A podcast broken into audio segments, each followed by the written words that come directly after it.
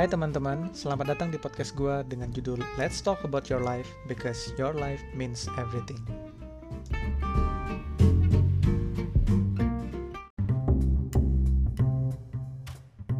Halo teman-teman semuanya, kembali di podcast gue Muhammad Hafiz dengan judul Let's Talk About Your Life Because Your Life Means Everything. Nah, kali ini di episode kedua ini, gue pengen mengangkat topik tentang Can We Live Off the Grid? Dan di sini maksudnya uh, eh, gue mengangkat judul tentang bisa nggak kita hidup di luar sosial media. Jadi maksudnya kita tanpa sosial media kita bisa hidup tenang atau enggak sebenarnya gitu. Nah dan di sini gue juga mengandang mengundang salah satu narasumber gue yaitu uh, namanya Kak Prabu. Gue manggil Kak karena ini okay. memang dia senior sih. Uh, boleh Kak Prabu dikenalin dirinya? Oke oke. Eh, oke nama gue tuh sebenarnya Muhammad Prabu Rosihan. Uh, cuman uh, panggilan sih macam-macam ya ada Prabu, ada juga Ansi tergantung uh, circle mana nih. Karena kebetulan Hafiz ini kan uh, teman dari teman SMA karena sepanjang gue sekolah itu SD SMP SMA panggilannya Prabu. Oke. Okay. Berarti kita topiknya apa nih tadi, Fis? Uh... Uh, topiknya can we live off the grid? Apakah kita bisa hmm, Oke. Okay. Iya gitu. BTW ini sebelumnya gue pengen kenalin juga ke teman-teman pendengar hmm. bahwa si Kak Prabu ini gue kenalnya tuh dari Dota dari Dota. Oh iya. Waktu iya ya, karena sebelum gue mulai podcast ini gue udah mencari-cari nih kak. Juga gue juga juga nyari info di web itu bahwa apa sih sebenarnya sosial media itu? Jadi uh, maksudnya tanpa sengaja gue lihat nanti kita akan bahas arti dari sosial media itu apa. Tapi secara okay. tadi gue dapat info bahwa salah satu sosial media itu adalah ada ditulis nih di MMO uh, eh, MMO apa sih? Multiplayer apa? Online gaming ya? MMO MMO saya jadi uh, Warcraft dan iya, iya. akhirnya iya. ya adalah uh, muncul kata Dota. Berarti kan Dota itu hmm, sosial kan maksudnya kan? Nah betul betul. jadi gitu. Nah uh, jadi gimana nih? Kalau misalnya kita mau ngomongin soal sosial media sekarang yang yang pertanyaan pertama adalah yang di yang terpikir terpikirkan di otak lu sih Kak Prabu? Gimana gimana sosial media Mungkin, itu sekarang? Hmm, oke okay, oke. Okay. Mungkin gini dulu. Uh, sosial media ini kan kalau kita flashback dulu ya. Pertama kali sosial media ini mulai booming itu adalah Friendster. Eh enggak ding. Uh, MIRC, MIRC itu mungkin sosial media nggak ya? MIRC masih termasuk. Uh, itu kan tahun 2000-an lah, 2000-an lah, entah 2007 atau berapa ya lupa lah. Pokoknya sekitar tahun 2000-an awal. Lalu next itu ada Friendster. Nah, dulu Hafiz, lu main uh, Friendster juga Hafiz seperti Main Sempat Friendster, main masih main. Yang nggak main oh, itu okay. eh uh, eh, MIRC gue tahu kak, tapi gue nggak menyentuh. Wah anjing, gue feeling old banget ya. feeling old banget ya, main MIRC. Jadi main dari kalau sebenarnya MIRC itu tahu, cuman karena pada saat itu kan kalau nggak salah zaman gue kenal sosial media itu kan Friendster zaman SMA ya kalau gue SMA. Hmm. Uh, eh, MIRC itu udah mulai rame dari zaman gue SMP. Nah gue tuh baru mengenal dunia perinternetan itu uh, akhir SMP sama awal SMA lah mungkin sekitar tahun 2006. Jadi pada saat MIRC itu udah eksis itu gue belum sempat dicipin sih. Cuman pas gue enter pertama kali masuk ke dunia sosial media itu gue lebih ke arah Friendster. Karena waktu itu lagi hmm. booming tuh di kalangan teman-teman gue kan di sekolah. Kalau ditanya lu udah punya lu Friendster lu apa? Wah anjir Friendster apaan?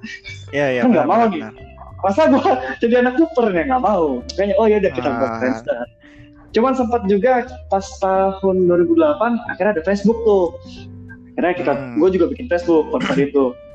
Pertama kali gue tanya, eh Facebook itu apa sih? Oh itu tuh yang ada game, ada game. Wah ada game, apa tuh? Ternyata pas dicoba-coba, oh ternyata ini loh yang namanya sosial media.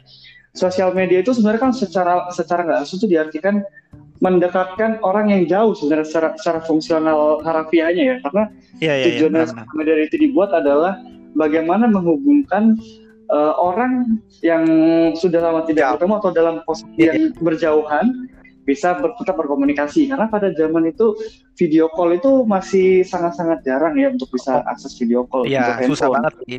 Karena kan memang itu juga masih masih gimana ya? Yang Nokia 1300 ya udah bagus pada zaman benar pada zaman itu handphone pun masih apa ya secara teknologi itu masih belum mendukung lah ya. Secara teknologi belum mendukung. Nah, pada saat itu ada Friendster. Nah, sebenarnya eh, se- selama sejauh ini ya sampai sampai gue mengenal Facebook itu Hmm. masuk awal kuliah, gue merasa emang me- media sosial ini eh, masih sesuai dengan konteks tujuan awal itu dibuat ya sebagai me- apa ya, mendekatkan orang yang jauh sebenarnya. Cuman Hmm. makin lama kalau kalau gue perhatiin ini udah mulai ada perubahan secara apa secara fungsi ya? Selain kalau dari sisi negatif salah satunya dari sisi negatif adalah emang konsep awalnya adalah mendekatkan yang jauh tapi ada sambungannya tuh menjauhkan yang dekat. Nah, Nah, itu. itu, itu dia yang tadi sebenarnya mau gua bahas di Can We Live Benar. on the Grid ini. Oke, salah- nah itu dia. Sebenarnya kalau eh, secara konteks awal emang benar kita mendekat eh, mendekatkan yang jauh, tapi makin kalau kita makin lihat perkembangannya eh, menjauhkan yang dekat juga. Karena sebagai sampel ya, dulu zaman gue masuk pertama kali kuliah eh, dengan gue pernah eh, mungkin zaman zaman gue kuliah dulu hype banget tuh antara Real Madrid dan Barcelona tuh. Perseteruan bola tuh. Ah, itu cuma gara- karena perkara orang bikin status nyindir salah satu tim kesukaannya siapa itu bisa jadi ribut pak iya, gara eh, dan itu gara-gara si ini tadi kan si sosial media tadi kan. benar cuman gara-gara ya mungkin orang eh, sebenarnya kan sosial media ini jadi bentuk apa ya, platform orang untuk bisa mengekspresikan dirinya. Mungkin kalau pada saat dulu orang kalau dia pengen ngomong dia pengen apa dia tinggal tulis di buku harian atau apa untuk bikin puisi kayak bentuk eh, luapan ekspresi dia kan. Nah Ya, betul. sekarang ada sosial media secara tidak langsung itu jadi satu platform untuk dia mengekspresikan dirinya. Orang mau lihat oke. Karena kadang gini orang itu bikin satu mungkin kita bilang contohnya status ya. Orang bikin satu status yang kontroversial kalau di sosial media tujuannya itu nggak lain nggak bukan pasti pengen orang lain itu baca Hmm. kalau di lu bikin gini buat apa oh enggak kok gue cuma iseng aja bu itu bullshit pak nggak mungkin Ya. orang pasti bikin karena orang akan dengan sadar bahwa lu sadar nih oh di di ke apa fe- Facebook gua atau atau media sosial apa pun yang dia lu punya ya itu Hmm. open public Pak. Which is setiap orang bisa melihat lu punya sosial media Iya benar. Nah, di situ- kalau kalau kita lihat ya eh, makin makanya makin sekarang itu sosial media terutama apalagi kalau kita lihat masalah politik wah itu wah kacau sih maksudnya Ya. sosial media ini bukan jadi platform untuk apa ya untuk untuk me- me- membuat hal-hal yang negatif ya kalau sekarang tuh kecenderungannya udah ke arah sana sih Iya benar. Makanya itu ini, so- sorry gue potong nih kak. Jadi eh, maksudnya si podcast ini sendiri, eh si podcast lagi si sosial media ini sosial media sebenarnya dia alat untuk eh, yang tadi dibilang men- menjauhkan yang dekat, tapi mendekatkan yang berbalik mendekatkan yang jauh kan. Tapi sebenarnya kalau menurut gue sih ada satu aspek lagi nih yang di Mhm. sosial media ini tuh bisa jadi eh, something good dan bisa juga jadi something bad, yaitu dia adalah eh, apa ya bahasanya ya boosting lah atau accelerate accelerate something. Jadi begitu kita nge-share sesuatu yang baik nih, itu akan spread dengan cepat. Menurut gue itu. Oh benar. Orang mau benar benar. jualan kan di online shop misalnya kayak gitu benar atau sesuatu yang lain yang bisa di-share yang membangkitkan rasa humanity seseorang menjadi lebih baik itu bisa cepat. Tapi Benar. juga dengan satu hal yang negatifnya ketika orang akan Benar. menyebarkan hoax itu dalam hitungan menit, hitungan pun bisa dalam hal-hal yang kayak gitu. Benar nggak sih kan? Jadinya Hmm, apa ya? betul betul itu kayak dua mata sisi pedang gitu.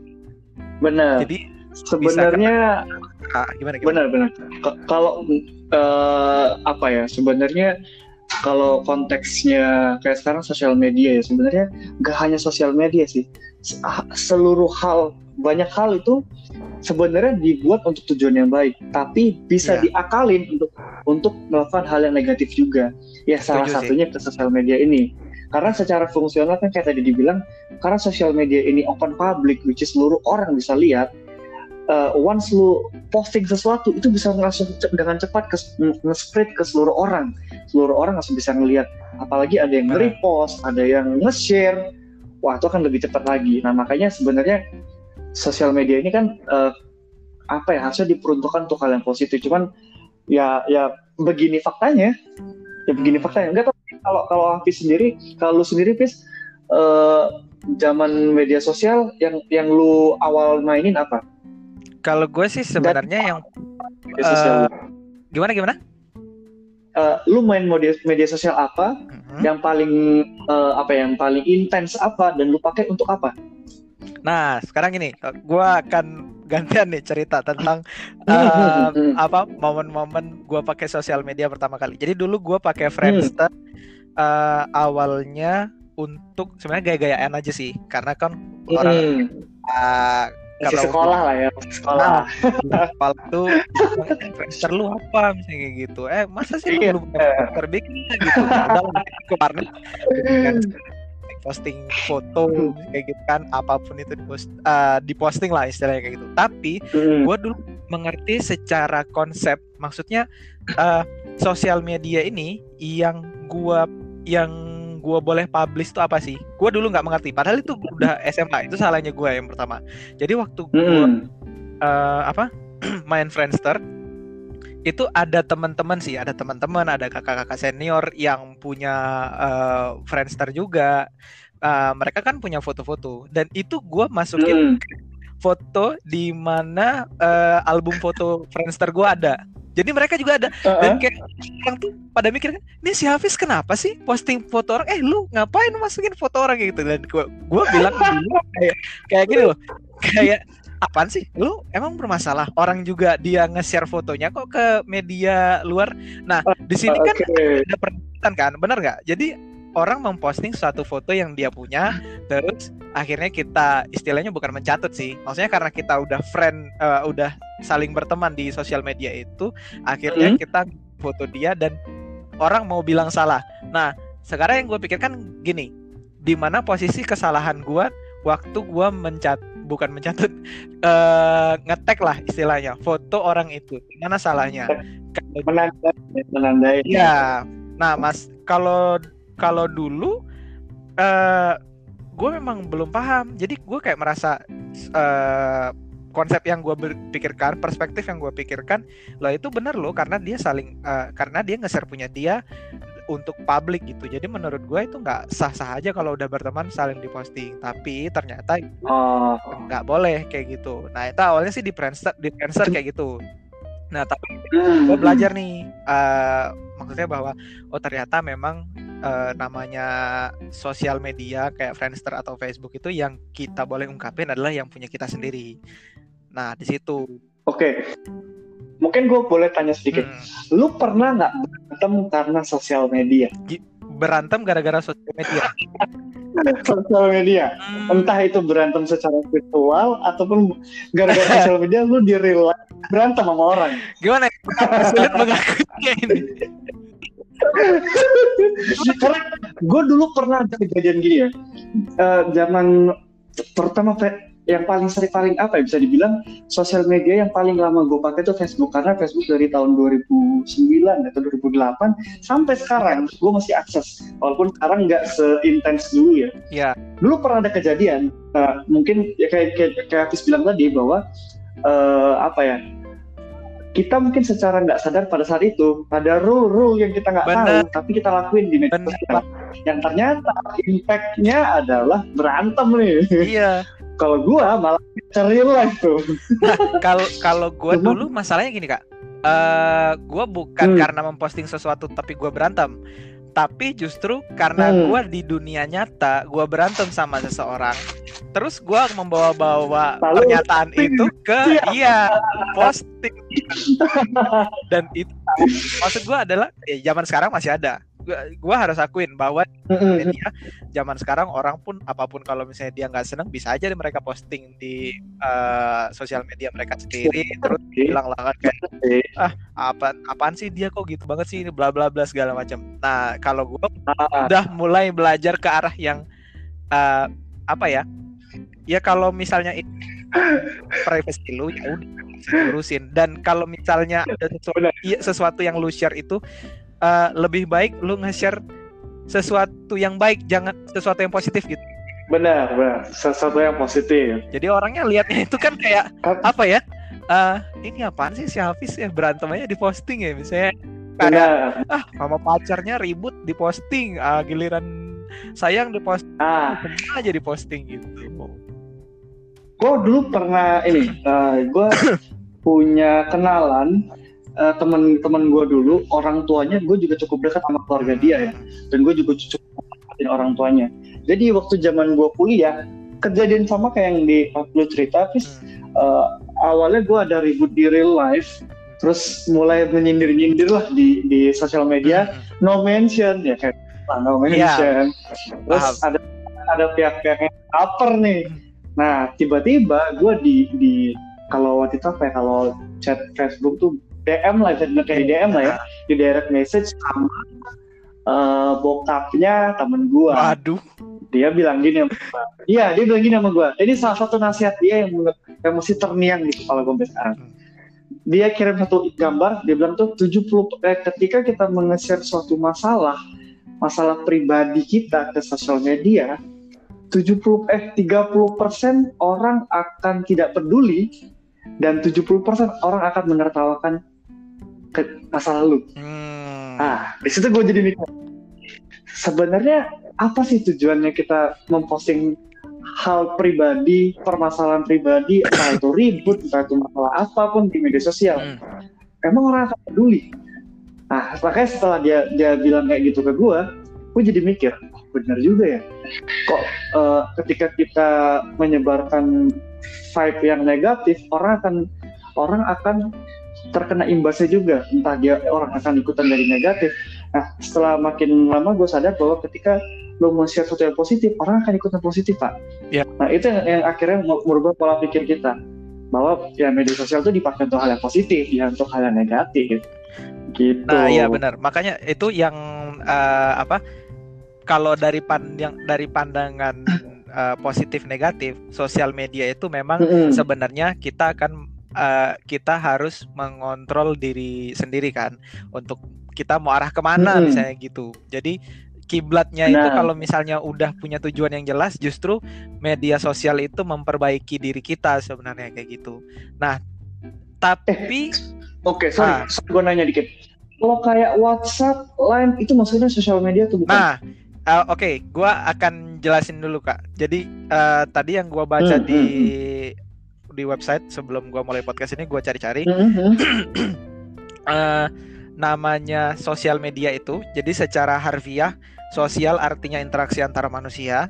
Terus media Bener, merupakan eh, perantara untuk eh, membicarakan sesuatu. Jadi sebenarnya sosi arti sosial media eh, suatu alat atau tool Selama ada wadahnya ya. Iya, ya, sesu- sebuah tools yang digunakan untuk berinteraksi. Untuk bersosialisasi. Ya, untuk bersosialisasi Benar. benar. Oh, Nah, dari berarti ini, termasuk termasuk ya. nah, jadi Mm-mm. semuanya itu tuh terjangkau. Mau apa pun itu, WhatsApp, mau game kayak tadi kalau kalau misalnya dibilang Dota itu termasuk eh, sosial media atau enggak termasuk karena dari cara main Termasuk. Oke. di apa? Dari cara main game itu kan kita biasa open mic, kita Komunikasi ya, benar. Kita komunikasi. either itu mau komunikasi secara teks ataupun secara eh, suara ataupun Suara, benar. itu sebenarnya eh, udah terangkum semuanya. Maksudnya udah udah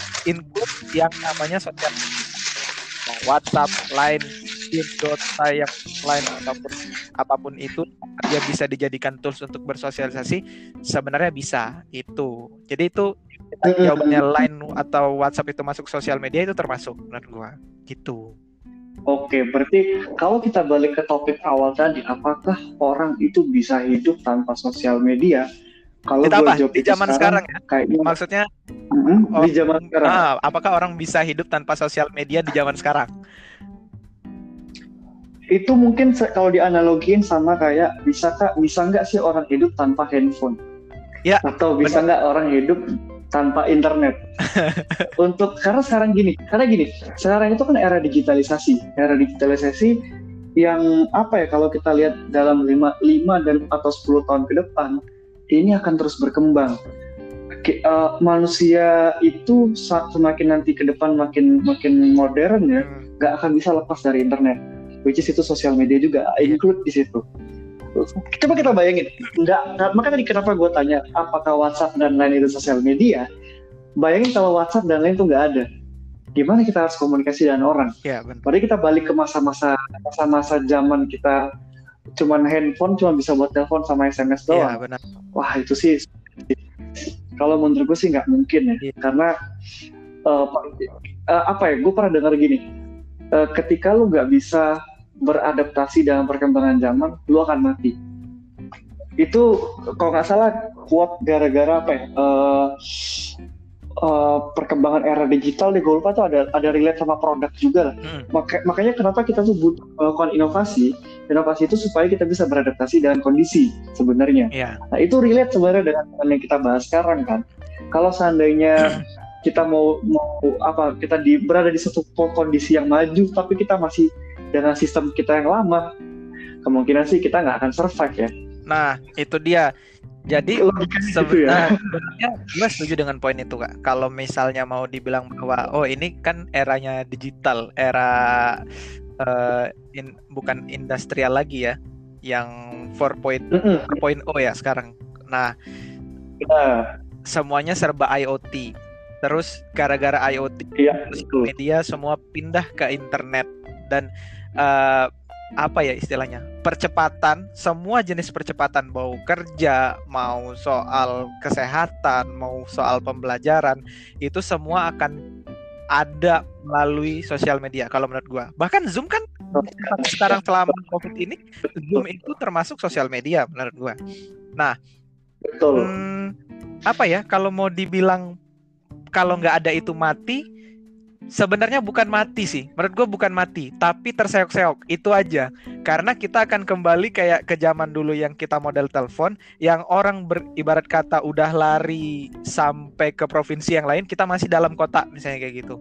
Nah itu perandaian Benar. dari dari gue Cum, eh, bagusnya bagusnya dari sosial media adalah itu.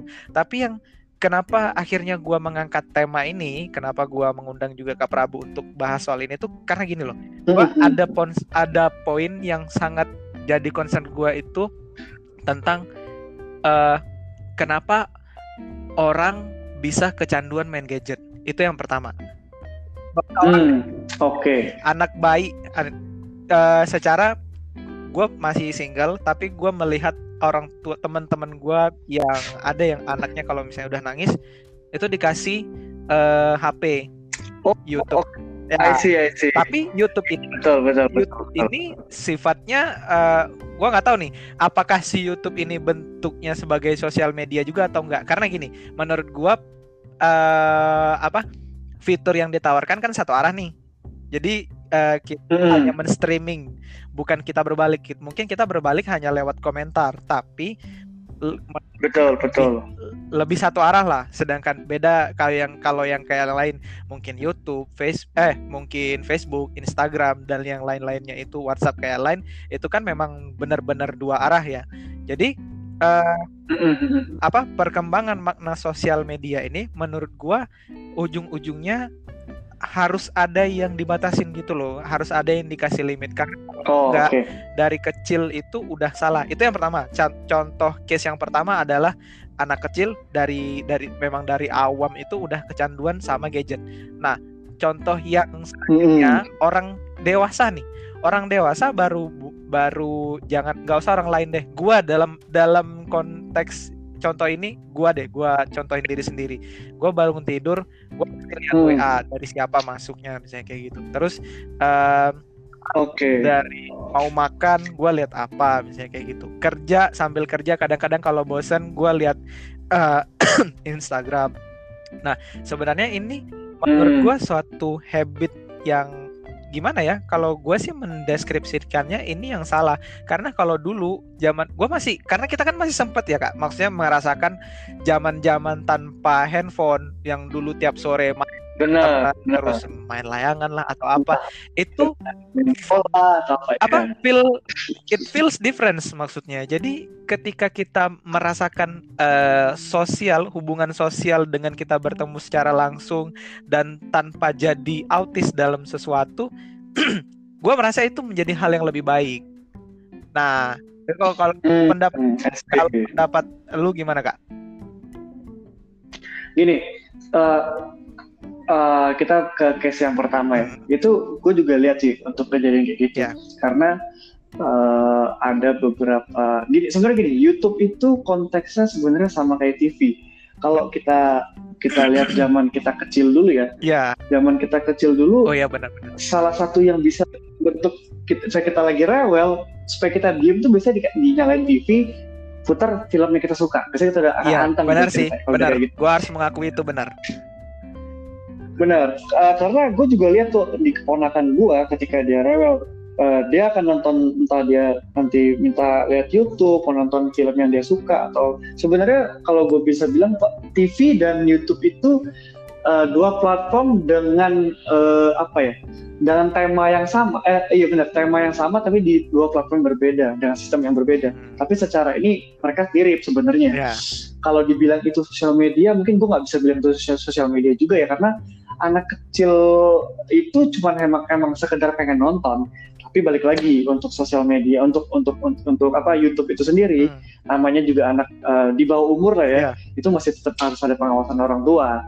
karena eh, kita nggak tahu nih seberapa liar nih yang dia lakukan ketika dia diberikan kebebasan untuk mengakses even itu handphone ya even itu handphone nah eh, kalau kayak dibilang tadi eh, makanya tadi gue bilang kan untuk untuk di era yang sekarang ya itu akan sangat-sangat nggak mungkin kita terlepas dari sosial media. Iya benar. Kayak contoh di kalau kita bilang gini selama selama uh, mungkin karena karena kita kan kebetulan ya kita kebetulan bekerja di bidang IT ya. Benar.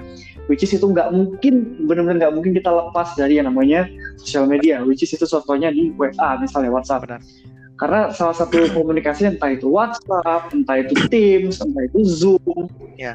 uh, anything else lah Maksudnya, uh, kalau untuk untuk uh, jobnya kayak kita sekarang itu nggak nggak mungkin cuman contoh nih kayak orang-orang di apa kayaknya even orang yang kerja di lapangan ya kayak di tambang orang yang di ya di lapangan lah mereka pasti tetap gunain komunikasi chat terutama itu WhatsApp ya Hmm. Makanya kalau kayak sekarang kalau coba kita bayangin kita balik ke ke, ke masa lalu ya. Hmm. coba kita- gimana caranya kita kerja? Sebenarnya tujuan tujuan sosial media di sini tuh lebih ke arah komunikasi. Benar. Nah makanya sebenarnya sosial media itu eh apa ya tujuannya itu mem- mempermudah membantu dan mempermudah orang untuk menjalani hidupnya dia. Ya entah itu untuk dia bekerja, untuk dia sosialisasi atau segala macam. Cuman ya balik lagi sosial media itu tetap harus apa ya eh, balik ke personal sih kalau menurut ya gue ya. benar benar Karena kita nggak kita nggak bisa ngejagain eh, orang untuk tidak menghina orang lain melalui Iya. sosial media. kita nggak bisa ngontrol orang At behave least. seperti apa gitu maksudnya kan Benar. At least kita kontrol diri kita sendiri gitu. Hmm. ya ya gunakanlah sosial media dengan baik sih maksudnya ya kalau makanya ini gue gue kadang bingung juga ya. Eh, sosial media ini eh, ketika berada di tangan yang tepat itu bisa menjadi hal yang baik. Ya. contoh bisa jadi alat untuk orang jualan bisa jadi alat untuk orang promosi atau apa. Tapi ketika itu jatuh ke tangan yang tidak tepat ada buzzer lah Ya. apalah itu yang tukang teror lah. Buzzer hoax maksudnya teror segala macam. itu sesuatu yang kita nggak bisa jagain ya. Hmm. kalau bisa dibilang eh wah kok berita kayak gitu bisa tiba-tiba booming? Padahal kalau zaman kita mungkin sebenarnya hal-hal kayak gitu tuh udah kejadian tapi karena pada saat kita tuh med- eh, apa medianya memang masih sulit ya jadi setiap informasi tuh menyebarnya sulit gitu loh susah menyebarnya. Kalau sekarang kan informasi kecil kan tuh bisa dengan cepat tuh kesebar ke seluruh dunia lah bisa dibilang. Ya.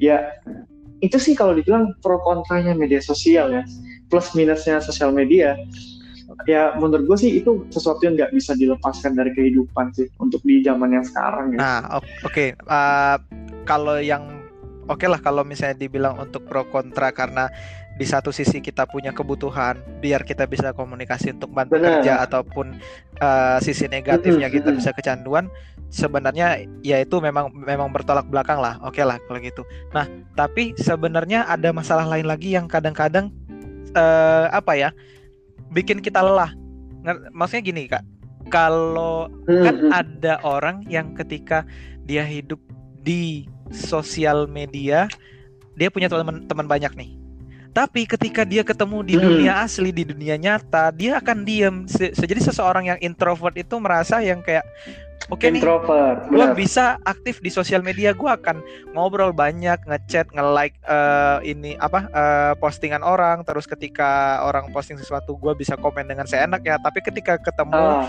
diajak ngobrol rame-rame di lingkungan rame-rame, dia akan jadi seseorang yang pendiam. Nah, itu itu salah satu contoh yang gimana gimana? Benar, benar. Masa keren itu keyboard lagi. Ya, keyboard, keyboard warrior.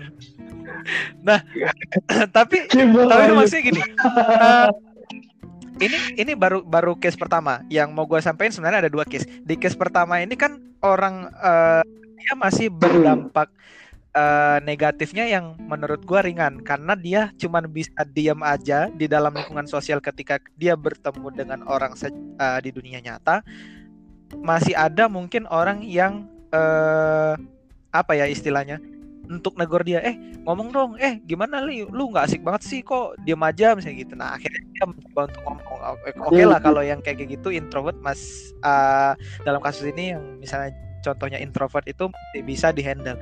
Nah gimana dengan kasus yang misalnya misalnya nih secara terjadi secara tidak sengaja dibully. Nah yang kasus di ya dibully. Oh, kalau ya, misalnya benar, orang benar. itu secara nggak sengaja dia mungkin melakukan kesalahan. Entah mis misalnya nih misalnya dalam acara ulang tahun uh, perusahaan eh ulang tahun direkturnya perusahaan terus dia disuruh ngasih kue misalnya uh, pak ini silakan tiup misalnya kayak gitu. Misalnya nih ya contohnya. Terus pas dia mau jalan itu itu di dalam rangka diposting ya dalam rangka diposting nih misalnya nih terus dia kejeglek kesandung misalnya kayak gitu. Itu HP-nya ambiar dan mungkin hmm. kena si direkturnya dan orang yang gak nyantai. Terus misalnya kejadian ditampar dan terus diposting lah ke sosial media. Dan dia apa orang itu pasti bakal malu banget. Iya kalau orangnya mentalnya kuat misalnya kayak gitu.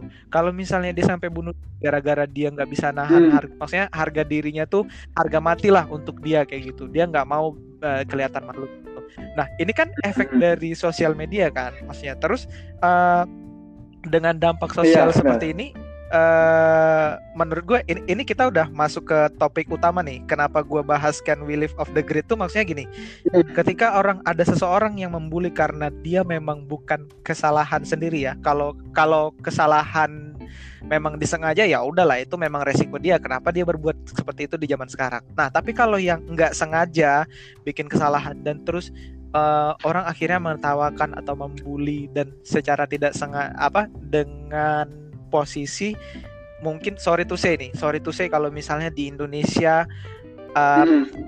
si, apa dalam tanda petik netizennya itu memang jahil dan apa-apa langsung main disebarin. Jadi kan orang bawaannya akan merasa malu dan dia akan merasa jenuh dengan kehidupannya. Kenapa sih harus ada? Nanti dia akan berpikir kenapa sih harus ada media sosial? Kenapa harus gue yang dibully misalnya kayak gitu? Kenapa harus kejadian kayak gini?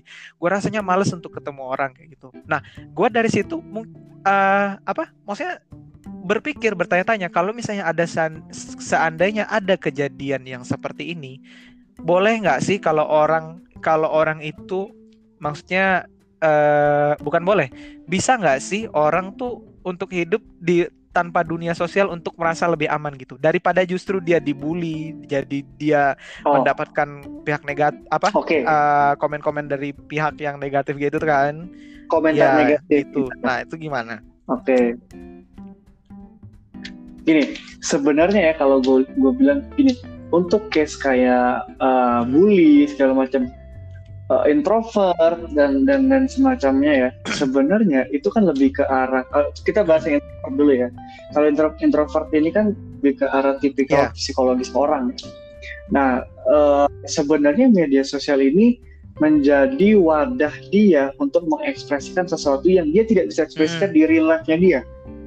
Terutama untuk orang-orang introvert ya. Orang introvert itu ketika lo ketemu uh, dia nggak akan mengeluarkan siapa dirinya dia Nah, tapi ketika dia ada media sosial, di situ dia akan itu yang, yang kita bilang tadi keyboard warrior tuh. Ketika di sosial media dia bisa dengan berani menyuarakan sesuatu yang dia nggak berani suarakan di real life dia. Nah, untuk case kayak gini, ini kan lebih ke arah hmm. psikologis orang ya. Uh, kebetulan gue punya teman orang introvert juga, orang introvert. Uh, Sebenarnya gue juga basicnya uh, introvert dulunya. Hmm. Dulu gue introvert, cuman uh, makin ke sini tuh makin lebih ke arah extrovert. Jadinya kayak ambivert lah. Nah itu bisa dibilang emang udah kepribadiannya orang ya. Maksud gue tuh ketika emang dari kecil dari lingkungan dia ketika dia kecil emang tidak dibiasakan untuk bersosialisasi impactnya adalah dia akan jadi introvert di, di, di ketika dia dia gede. Nah media sosial ini ya jadi kayak senjata buat dia gitu loh. Makanya ini yang negatifnya media sosial ini dijadiin senjata untuk dia mengekspresikan sesuatu yang dia nggak bisa ekspresi contoh dia si A nggak suka sama si B tapi okay. dia nggak berani ngomongin dia itu di kehidupan nyata. Tapi ketika dia masuk media sosial benar dia akan dengan gampang mengetik menghujat. Ini makanya ini relate kayak yang hmm. tadi masalah menghujat. Nah sebenarnya masalah menghujat ini gini uh, misalnya ada ada satu kejadian di, di satu perumahan. Entah itu pembunuhan entah itu apa. Nah ketika ada kejadian itu sebenarnya kan yang tahu hanya ya, orang benar, di satu perumahan itu aja kan sebenarnya.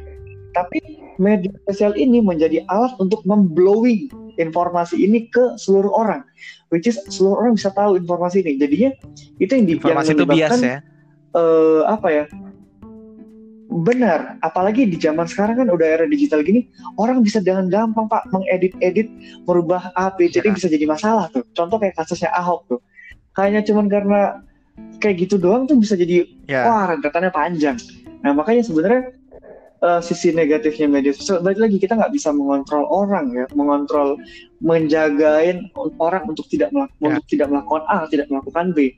Karena kalau kita lihat kayak sekarang media sosial tuh uh, ya balik gue gak ngerti juga ya. Sebenarnya kalau yang kayak gitu tuh balik ke satu satu kepribadian kayak misalnya dia introvert atau dia extrovert yang kedua itu ke pendidikan mbak. Nah menurut gue pendidikan itu berpengaruh terhadap pola pikir seseorang dan bagaimana wise-nya dia ya, menggunakan harusnya, media sosial. gini yang gua harusnya gak, si kasus contoh kasusnya A tadi itu uh, dia cukup lah maksudnya si Pak Ahok ini dihukum secara secara undang-undang yang ada yang berlaku di Indonesia itu udah. Tapi kita, kita uh, maksudnya netizen netizen yang negatif ini justru akan uh, apa melibatkan rasisme gitu loh. Jadi akan mengang nah ini nah. ini yang gue bilang nih. Sekarang itu di Indonesia tuh ya selain dari hukum negara ada yang namanya hukum sosial Nah ini nih hukum sosial ini menurut gue ah. cukup berat ya karena kalau orang yang bisa nggak kuat dengan hukum sosial ini bisa depresi, bisa bunuh diri. Nah makanya eh, balik lagi kita nggak bisa menjaga orang tidak berkata A, tidak berkata B. Balik lagi tuh ke udah ke masing-masing orang. Persepsi orang berbeda-beda. Kita nggak bisa mengontrol orang loh. Maksudnya uh, tinggal bijaksana aja sih pakai media sosial sebenarnya. Ini kan sebenarnya platform. Mm -hmm dia itu kan sebenarnya platform nih kita kan uh, kayak misalnya sendok atau garpu itu kan sebenarnya diperuntukkan untuk kita makan. Tapi itu bisa dijadikan alat untuk menyerang orang yeah. lain. Kayak garpu bisa untuk menusuk orang bisa menyebabkan kematian. Itu kan sesuatu yang kita nggak bisa jagain gitu. Yes ima. Nah kalau kalau dibilang media sosial ini apakah misalnya nih kita lihat oh ternyata media sosial ini impact negatifnya banyak yaudah kenapa nggak media sosial kita ditiadakan aja? Ya, benar. itu juga nggak bisa karena kita harus lihat dulu nih seberapa besar efek positifnya juga gitu loh. Karena kan sebenarnya platform ini tuh dibuat dengan kepentingan positif gitu. Cuman balik lagi kita nggak bisa menjaga sesuatu yang yang kayak tadi itu diarahkan ke yang negatif itu kita nggak bisa jagain. Nah kalau uh, yang apa? Oke okay lah kan tadi benar nih kalau misalnya kita memang nggak bisa jagain di kasus-kasus uh, bullying introvert yang dia nggak bisa nggak bisa bersosial memang itu ada si ada indikasi dari diri sendiri yang mereka nggak mampu melakukan maksudnya dari dari kecil mungkin nggak dididik untuk uh, apa berani berekspresi gitu, uh, bersosialisasi, bersosialisasi ataupun. Uh, apa? Kalau misalnya kita di fase sosialis eh di fase bullying itu kita nggak kuat mental, jadi jadi memang sebenarnya bukan salah di netizennya. Tadi kalau yang gue tangkap ya itu net bukan netizennya Benar. tapi balik lagi ke diri sendiri. Tapi kan poinnya adalah gini, uh, kalau orang kalau orang jenuh kalau orang jenuh dengan media sosial. Tapi uh, apa ya? Boleh nggak sih? Maksudnya ketika kita ketika kita uh, memprivasikan diri kita. Sekarang gini, uh, apa-apa tuh udah udah butuh namanya sosial media. Mau kita login misalnya nih login untuk online hmm. shop bisa login via Facebook ya enggak Facebook itu sosial media Bener. dari Google Google juga Bener. sebenarnya sosial media kalau sekarang Bener. akun Google itu nah sosial terus media. Uh, kita nih mau live off the grid nih. Maksudnya oke okay, konsepnya konsepnya yang gue tawarkan adalah gini. Gue mau hidup bersosial dengan orang. Gua nggak mau munafik dengan apa yang ada di sosial media Gua posting ini gue posting itu tapi nanti kenyataannya malah dihujat netizen. Ya bodoh amat Gua nggak mau gue akan menghilangkan sosial media gue tapi gue akan bersosial dengan semua orang yang ada maksudnya yang ada di, di hadapan gue nah betul uh, betul. apa ya? Maksud gue gue pengen mengangkat uh, poin penting ini maksudnya gini jangan sampai gara-gara sosial media lo nggak bisa beristirahat di dunia zaman sekarang maksudnya gitu. Orang mau liburan nih, orang mau libur gimana? Mungkin lebih tepatnya gini. Mungkin gini, uh, jangan karena sosial media lu jadi tidak nah, bisa bersosialisasi iya, di real life lu. Itu salah satunya. Benar. Jadi kan... Itu salah satunya. Mungkin untuk orang-orang di di umur kita ya, di umur-umur udah misalnya udah mulai masuk ke 30, udah masuk Benar. di fase jenuh, Pak. Maksudnya jenuh ini fase di mana lu benar-benar memanfaatkan sosial media sebagai hanya sebagai media komunikasi, bukan media sosialisasi. Kalau komunikasi kan hanya sekedar komunikasi entah itu dua arah atau berapa arah, tapi maksudnya nggak yang nggak yang benar-benar open public gitu loh. Kalau e, even kayak gue sekarang, gue Instagram gue private, untuk uh, Facebook juga setiap uh, posting-postingan gue akan set gue setting hanya untuk hmm. friend friend only. Jadi benar-benar gue udah menjaga bahwa emang apa yang gue gue keluarkan emang sebatas untuk circle gue aja. Untuk untuk untuk privacy gue dan teman-teman gue gue nggak nggak nggak yang ke yang lain-lain. Mungkin ya balik lagi penggunaan sosial media ini kan apalagi terutama untuk anak-anak yang muda masih yang remaja yang gitu-gitu masih liar sih. Mungkin ya itu sulitnya sih di nah, situ makanya ya. itu makanya itu tadi ketika uh, apa ya maksudnya jangan sal jangan menyalahkan sosial media ketika kita ingin beristirahat atau Bener. bersosial dengan orang lain dengan cara yang lebih baik maksudnya kayak gitu tuh. Nah gue bener jangan menyalahkan ya, alatnya pak. itu. Bisa di kalau kalau dibilang itu man behind the gun. Tapi ya. jangan salahkan gunnya salahkan orang yang pegang. Nah ya, mak makanya itu jadi ketika kenapa ya? Kenapa maksudnya kenapa uh, gue sih dapat inspirasi kayak gini gara-gara gue pernah nonton YouTube uh, tentang orang yang bikin bikin rumah di tengah hutan. Pas gue lihat dari postingan videonya itu, oh, dia bilang gini, uh, gue tidak menggunakan sosial media, tidak menggunakan apa ya, maksudnya uh, sesuatu yang digunakan uh, alat komunikasi lah, maksudnya yang secara virtual itu dia hilangin semuanya.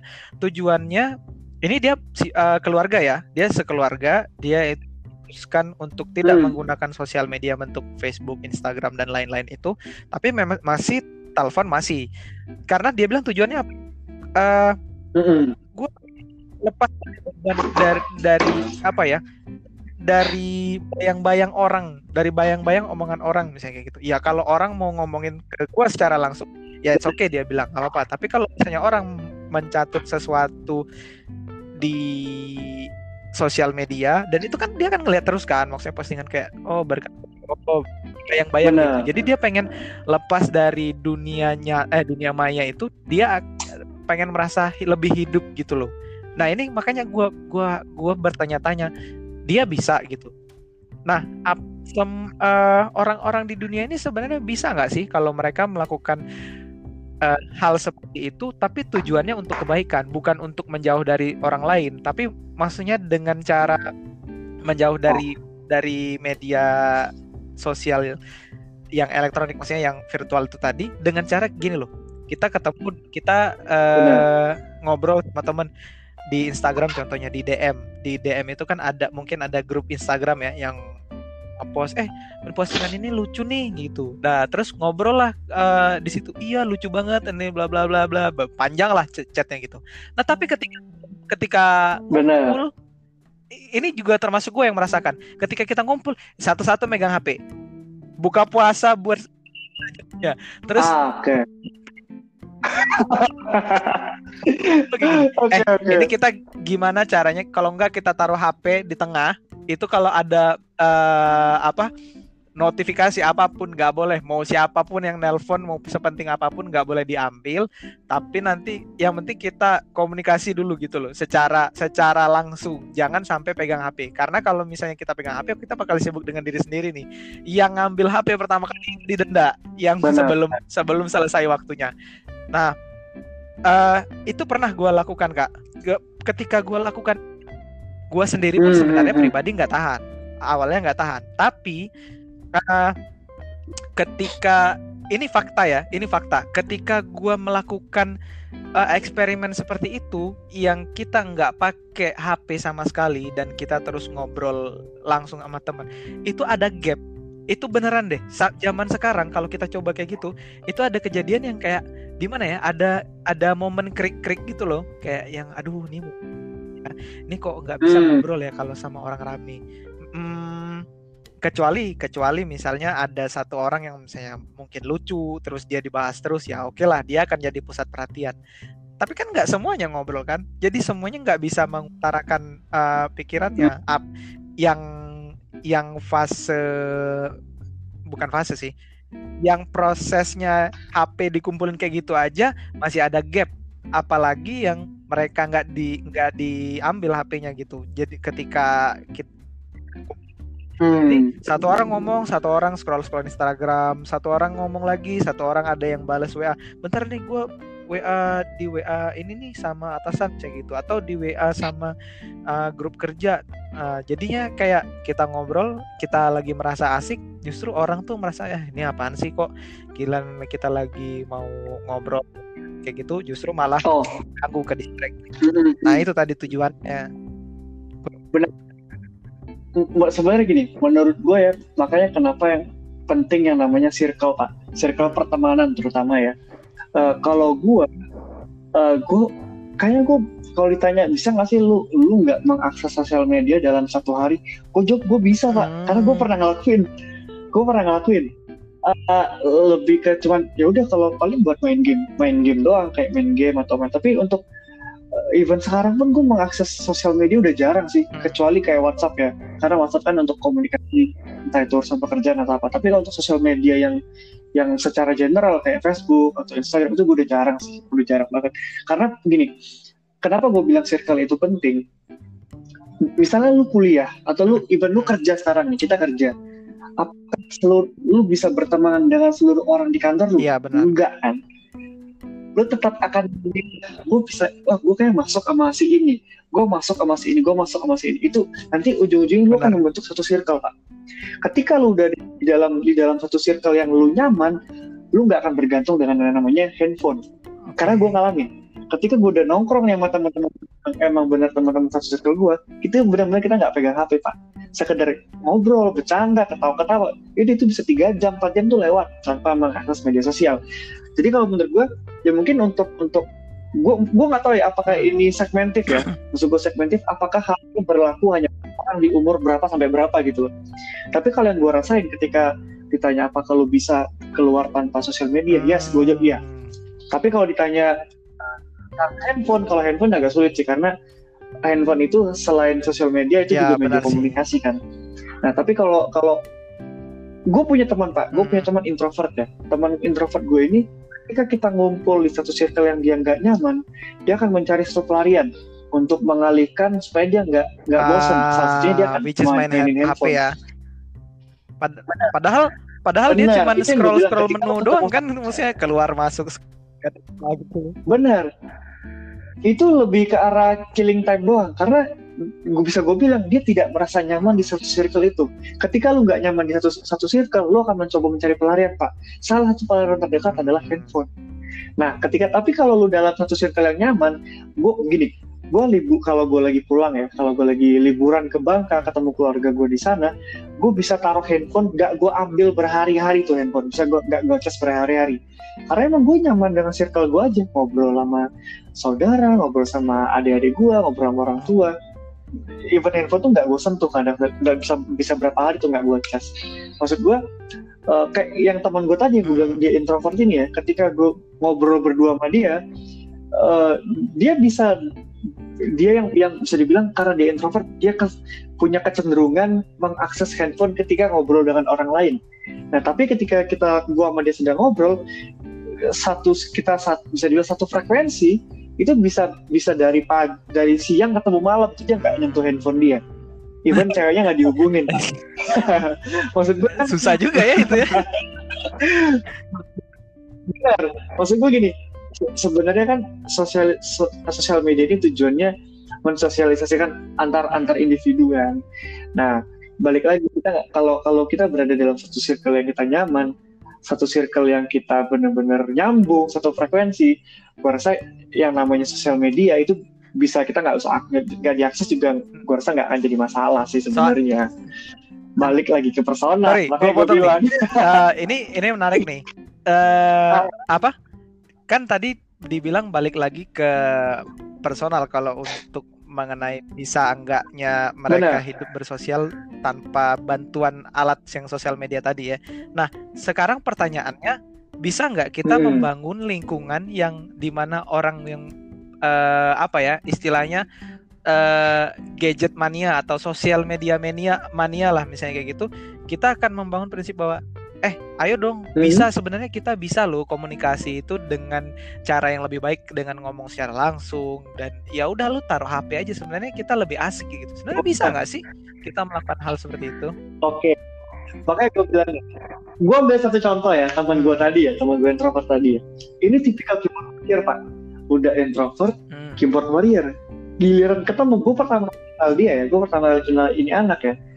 Orang ini bener-bener, eh bener-bener gak berkomunikasi sama sekali ke orang lain. Hmm. Ini, ini teman gue kerja ya. Pertama kali gue kenal dalam satu project, itu dia bener-bener gak ngomong sama sekali. Dalam satu hari gue bisa hitung dia, dia keluar kata-kata dari mulut dia berapa kali. Nah, maksud gue Iya. separah itu loh ini orang ya, separah itu ini orang. Cuman, jadi kenapa bisa gue bilang dia keyboard warrior ya? Jadi gue dia kan dia uh, Hmm. pernah nginep di rumah gue kan. Ketika nginep di rumah gue kita dia curhat-curhat gitu sama gue kan. Terus uh, waktu itu gue mengakses uh, jadi dia dia ngasih handphone dia ke gue waktu itu. Nih lihat aja nih. Gue mengakses uh, Iya. Twitter dia pada dia dia udah nggak main Twitter lagi. Cuman history history uh, postingan dia di Twitter kan masih ada. Jadi ada satu postingan dia, dia bilang gini, emang emang cewek lu doang anjing lu. Maksudnya, tapi gitu dia ketemu sama si cewek itu nggak mana berani dia ngomong kayak gitu. itu artinya bener bener ya di depan Sepa- separah ini loh, separah ini anak ini. Cuman kalau lu tahu ya, gue kenal sama dia itu 2019 kayaknya, 2019 awal. Kenal orang bulan April. Gue temenan sama dia tuh udah satu tahun lebih. Nah, dia karena dari introvert pak, karena gue bisa dibilang gue satu frekuensi sama orang ini. Orang ini eh, cenderung dapat vibe dari gue. Ini ini anak ya udah introvert, eh, keyboard warrior, negative Ah, thinking lagi orangnya. iya, Wah iya, kurang iya. apa lagi jelek jelek. Cuma ketika dia ketemu orang yang bisa apa ya menyalurkan hal positif ke dia secara tidak langsung itu ternyata merubah merubah kebiasaan dia. Sekarang ini anak pak jadi ngo ngoceh terus di kantor kerjanya. Lu bayangin sampai dulu teman-teman kita yang dulu sampai bilang anjir ya dulu persen sama dulu zaman gue dulu anak ini udah jutek ngomongnya minim lagi ketus kalau ngomong sekarang kok kayak orang happy kayak orang fun gitu loh makanya gue bilang uh, uh, balik ke personal ketika lu berada dalam satu circle yang tepat lu bisa ketika lu masuk dalam satu circle yang positif lu akan jadi positif. Tapi ketika lu masuk dalam satu circle yang toxic lu akan ikutan oh. jadi toxic. Pak nah itu makanya gue bilang penting pentingnya lu punya satu circle. Nah sebenarnya media sosial ini hanya alat. Hmm, hmm. balik lagi ini cuma alat antara lu mendekatkan atau lu malah menjauhkan sebenarnya. Oke. Okay. Berarti sebenarnya yang jadi apa istilahnya jadi conclusion buat omongan kita malam ini tuh bahwa sebenarnya kalau mau hmm. menjadi baik di sosial media ya start from yourself terus ya create the environment Uh, become as good as possible kayak gitu kan. Uh, Benar, spread positive uh, Hmm. Gimana caranya media sosial itu dengan baik untuk menyebabkan hal positif. Oh, gitu kira-kira. Baik. Nah, ini topik perbincangan malam ini tuh kayak seru banget. Akhirnya mendapatkan conclusion yang luar biasa ya. Padahal hanya hanya apa ya? Uh, chit-chat biasa gitu maksudnya tanpa tanpa tanpa apa tanpa skrip lah istilahnya terus akhirnya bisa membuahkan semoga lah nanti orang mendengarkan uh, podcast ini semua orang semoga orang bisa mengambil hikmah positifnya bahwa dari dari orang benar ya media. sosial media itu ya buat digunakan yang baik-baik terus kalau yang negatif disaring dulu Betul. atau enggak ya start from yourself itu untuk dibenerin lah fix something yang negatif Benar. gitu kalau kalau gini kalau kalau perhatiin ya gue kan beberapa kali nonton kayak di, hmm. di di YouTube ya. Ada orang yang itu ujaran kebencian entah itu uh, apa ya uh, bully itu rata-rata ketika ditangkap ketika ditangkap itu anak di bawah umur masa sih? Nah bisa dibilang iya serius entah anak SMA entah anak SMP contoh ya gue pernah lihat itu uh, jadi ada satu anak nih anak ini di di di YouTube wah bahagia banget hidupnya orang tuanya baik segala macam. Tapi dihujat. Kenapa bisa kayak gitu? Yang ternyata yang menghujat dia ketika ditanya ke, hmm. yang ketangkep nih anaknya di, dilaporin terhadap hmm. masih tuanya kan. Ketika ditanya kenapa kamu menghujat uh, anak saya? Ya karena saya ngeliat anak-anak bapak uh, mendapatkan apa ya mendapatkan kasih sayang dari orang tua sedangkan saya tidak dapat itu pak jadi saya nggak suka oh. nah gitu, makanya saya bilang makanya gue bilang media sosial ini uh, sebenarnya sebagai media untuk mempercepat mas apa ya mempercepat informasi itu untuk yeah. sampai ke orang lain tapi balik lagi permasalahan itu berkaitannya dari orang secara individu makanya kayak gue bilang tadi uh, circle yang tepat dan orang yang positif pasti akan menggunakan media sosial dengan dengan yang positif juga. Nah, gitu. satu satu poin lagi nih terakhir. Ya, uh, sebelum uh, sebelum uh, podcast gua buka ada pertanyaan terakhir. Menurut lu uh, dari segi pendidikan, mm-hmm. maksudnya di bangku either itu di bangku SD, mm-hmm. SMP atau SMA, perlu nggak pendidikan untuk maksudnya bersosial tapi secara praktis bukan maksudnya secara praktikal bukan secara teoritis karena kan kalau kita lihat di di sekolahan kalau kita belajar sosiologi itu mas secara buku itu udah banyak banget udah capek banget itu tapi secara praktek Indonesia masih kurang nggak? Benar, benar. Uh, gini, sebenarnya hmm. kalau kita ngeliat sekarang ya, uh, gue nggak, gue bilang kalau gue bilang malah bukan startnya malah bukan dari SMP SMA pak.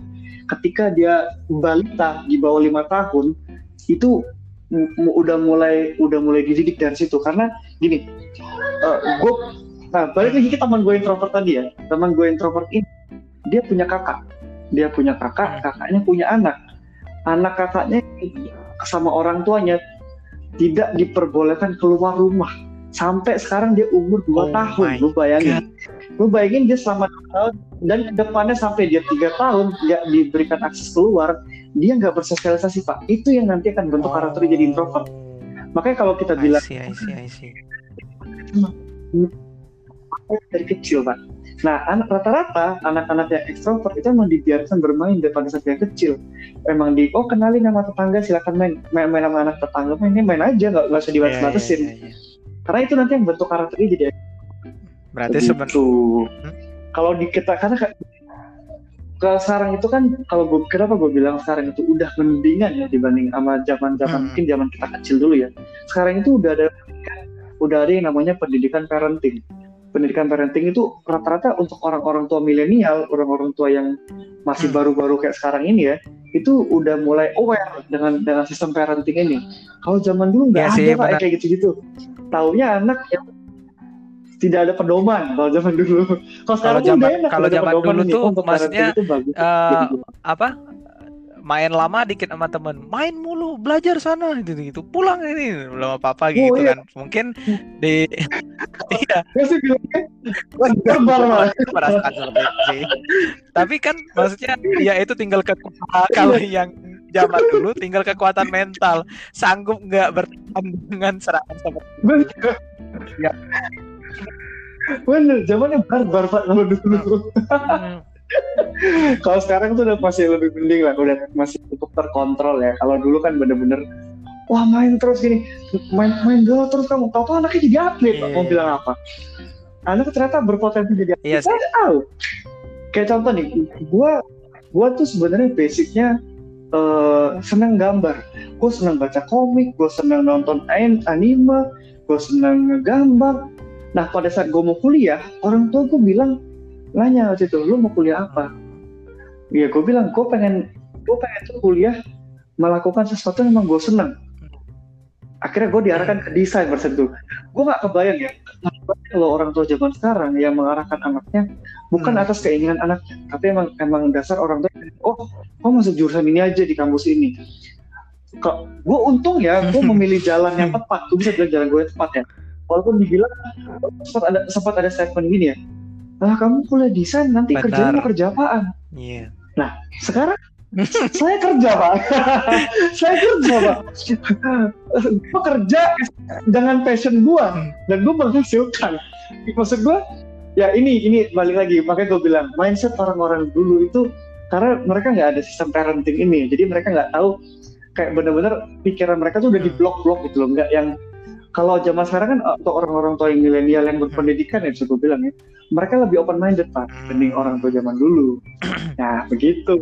Oke oke oke baik. Gua berarti menangkap bahwa sebenarnya yang si sosial media ini berarti startnya itu bukan dari masa pendidikan. Akhirnya eh, apa pendid, eh, practical basic practical yang harus mereka ambil adalah orang terdekatnya dulu yang pertama. Artinya itu orang tua. Terus setelah orang tua juga tapi eh, di sekolah itu pun nggak boleh hilang. Benar nggak sih? Setuju nggak kalau gitu? Bener, bener. Makanya ada namanya orang tua di Oke. sekolah kan. Which is Benar. itu guru.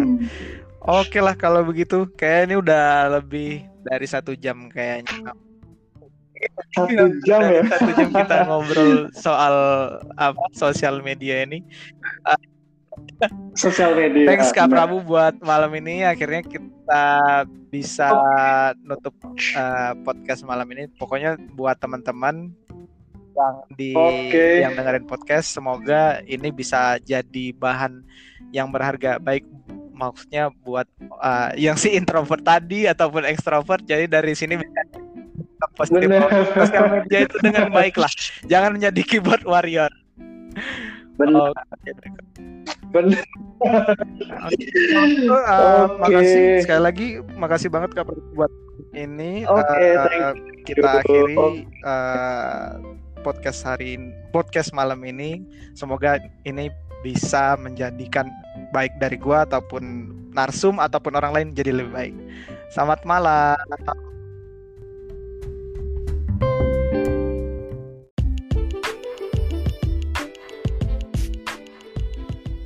Terima kasih sudah mendengarkan.